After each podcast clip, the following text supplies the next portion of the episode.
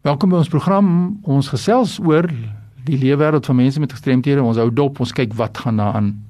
In verlede week het ek gepraat oor die kwessie van dat ons wat is 'n verlies, 'n impairment en wat is 'n gestremdheid dan nou? Wanneer is dan dit nou 'n gestremdheid? Ek het gesê die wat nie verlede week geluister het nie, ek het gesê dat dit moet gesertifiseer word deur 'n professionele persoon in die vakgebied van daardie spesifieke verlies of impairment in die Engels te gebruik dat hierdie persoon se vlak van verlies, die graad van so aard is dat dit wel om 'n sagte teken maak wat hy dan gestrem gemaak gaan word deur die gemeenskap of uitgesluit gaan word deur die gemeenskap. Maar toe ek iets aangeraak en dit sê sommige tyd dan is daar mense wat sekere forme van verlies ontken. Nou ek het die voorbeeld gebruik van outisme. Iemand ek sien hier is 'n uh term wat ek verlede week na verwys het waar daar staan autism is not a disability it's a different ability. Nou dis is groot sake hierdie. Dit is regtig waar groot kontroversie. Want as mense sê outisme wat 'n verlies is, is die sosiale verlies of sensoriese verlies, daardie kind is nie 'n gestremde kind nie. Dan beteken dit ons verstaan nie dat daardie kind wel deur die gemeenskap gestrem gaan word een of ander stadium nie, afhangend van die vlak van daardie verlies. Ons weet daar's 'n spektrum van outisme. Ons ek wil nie daaraan debatteer nie. Al wat ek net sê is baie mense sê hearing impairment is not a disability. Hearing loss is not a disability. I'm just different able or different ability waaroor ek beskik. Nou al ek hier aan, how persons with impairments are perceived and treated rest to a large extent with society. Met ander woorde, hoe die society, die gemeenskap op my doofheid gaan reageer, berus by die gemeenskap. Ek het nie beheer daaroor nie. Ek kan die gemeenskap sensitiseer maar ek kan nie iemand verander as hy 'n negatiewe houding het teenoor mense met gehoorverlies omdat hy miskien 'n ouma of 'n oupa gehad het wat waaroor hy negatief teen teenoor voel. Nou diskrimineer hy teen my. Ek het nie beheer daaroor nie. So stellings wat ontken dat 'n sekere impairment is 'n gestremdheid of 'n disability beteken eintlik wat en ek haal hier aan. It implies that a person with a specific impairment has the power over how they are perceived and or included in society. En dis ongelukkig nie. Die waarheid nie. Jy het nie beheer daaroor nie. So denying the existence of disability or replacing the concept with something like differently able. Ons is almal able may be to the detriment of the process of reasonable accommodation and a barrier to the implementation of disability legislation en dan wat sê hulle excluding people who are in need of support.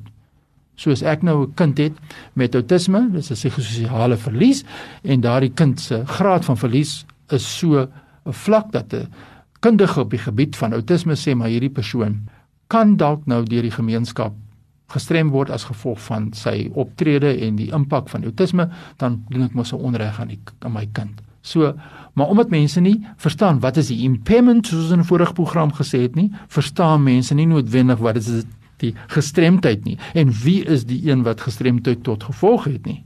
En daarom sal mense sommer maklik weghardloop van die term en sê my kind is nie gestremd nie. Maar eintlik doen ons dan 'n onreg aan 'n kind of iemand deur die gestremdheid dan te ignoreer. So persone met gestremthede is mense wat deur vier aspekte deur die gemeenskap gestrem word. Dis nou hy onthou daai vyf tipe forme van impairments of verlieses: physical, psychosocial, intellectual, neurological or sensory impairments, sê die wetskrif oor die regte van persone met gestremthede. En dan wat dan wat is die invloed?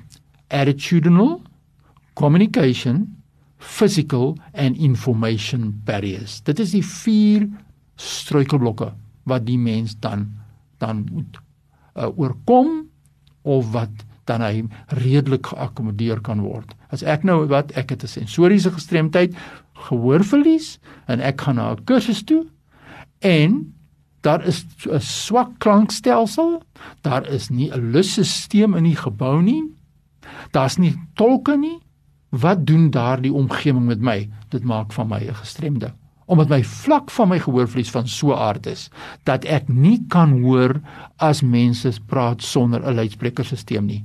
So die probleem is nie ek nie, dis die probleem is nie die kind nie, die probleem is dat die gemeenskap verhou weerhou die persoon van gelyke geleentheid.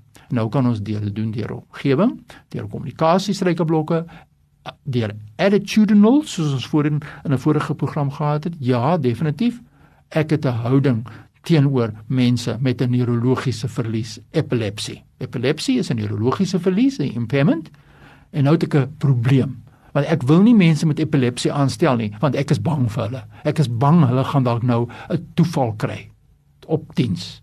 So wat doen ek? Ek neem hom nie in diens nie. So ek weerhou hom van 'n gelyke geleentheid. Al is sy medikasie onder bring sy gestremdheid dan onder beheer.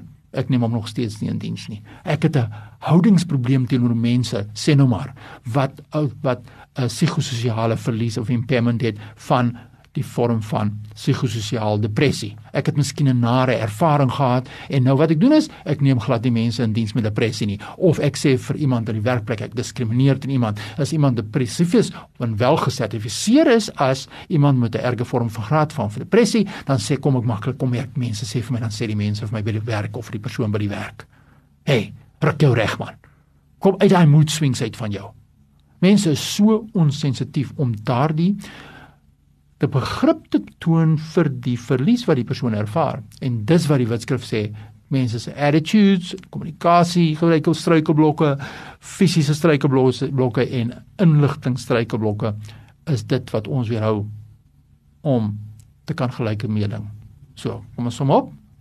Sensories, fisies, psigososiaal, intellektueel, neurologies. Dit is die vyf forme van impairments. En die struikelblokke wat daardie mense ervaar is fisies houdings inligting en kommunikasie. Volgende keer dan gesels ons miskien bietjie oor verder oor hoe kan 'n mens nou hierdie mense wat dan nou die struikelblokke beleef, hoe kan 'n mens hulle op 'n redelike wyse akkommodeer in die werk, in die gemeenskap, in die ouete huis. Stuur vir my nou 'n e-pos. Sê vir my wat voel jy oor die forme van verlies en wat gestremdheid regtig is. My e-pos is fani.dt by mweb.com www.co.za. Groetens tot volgende keer.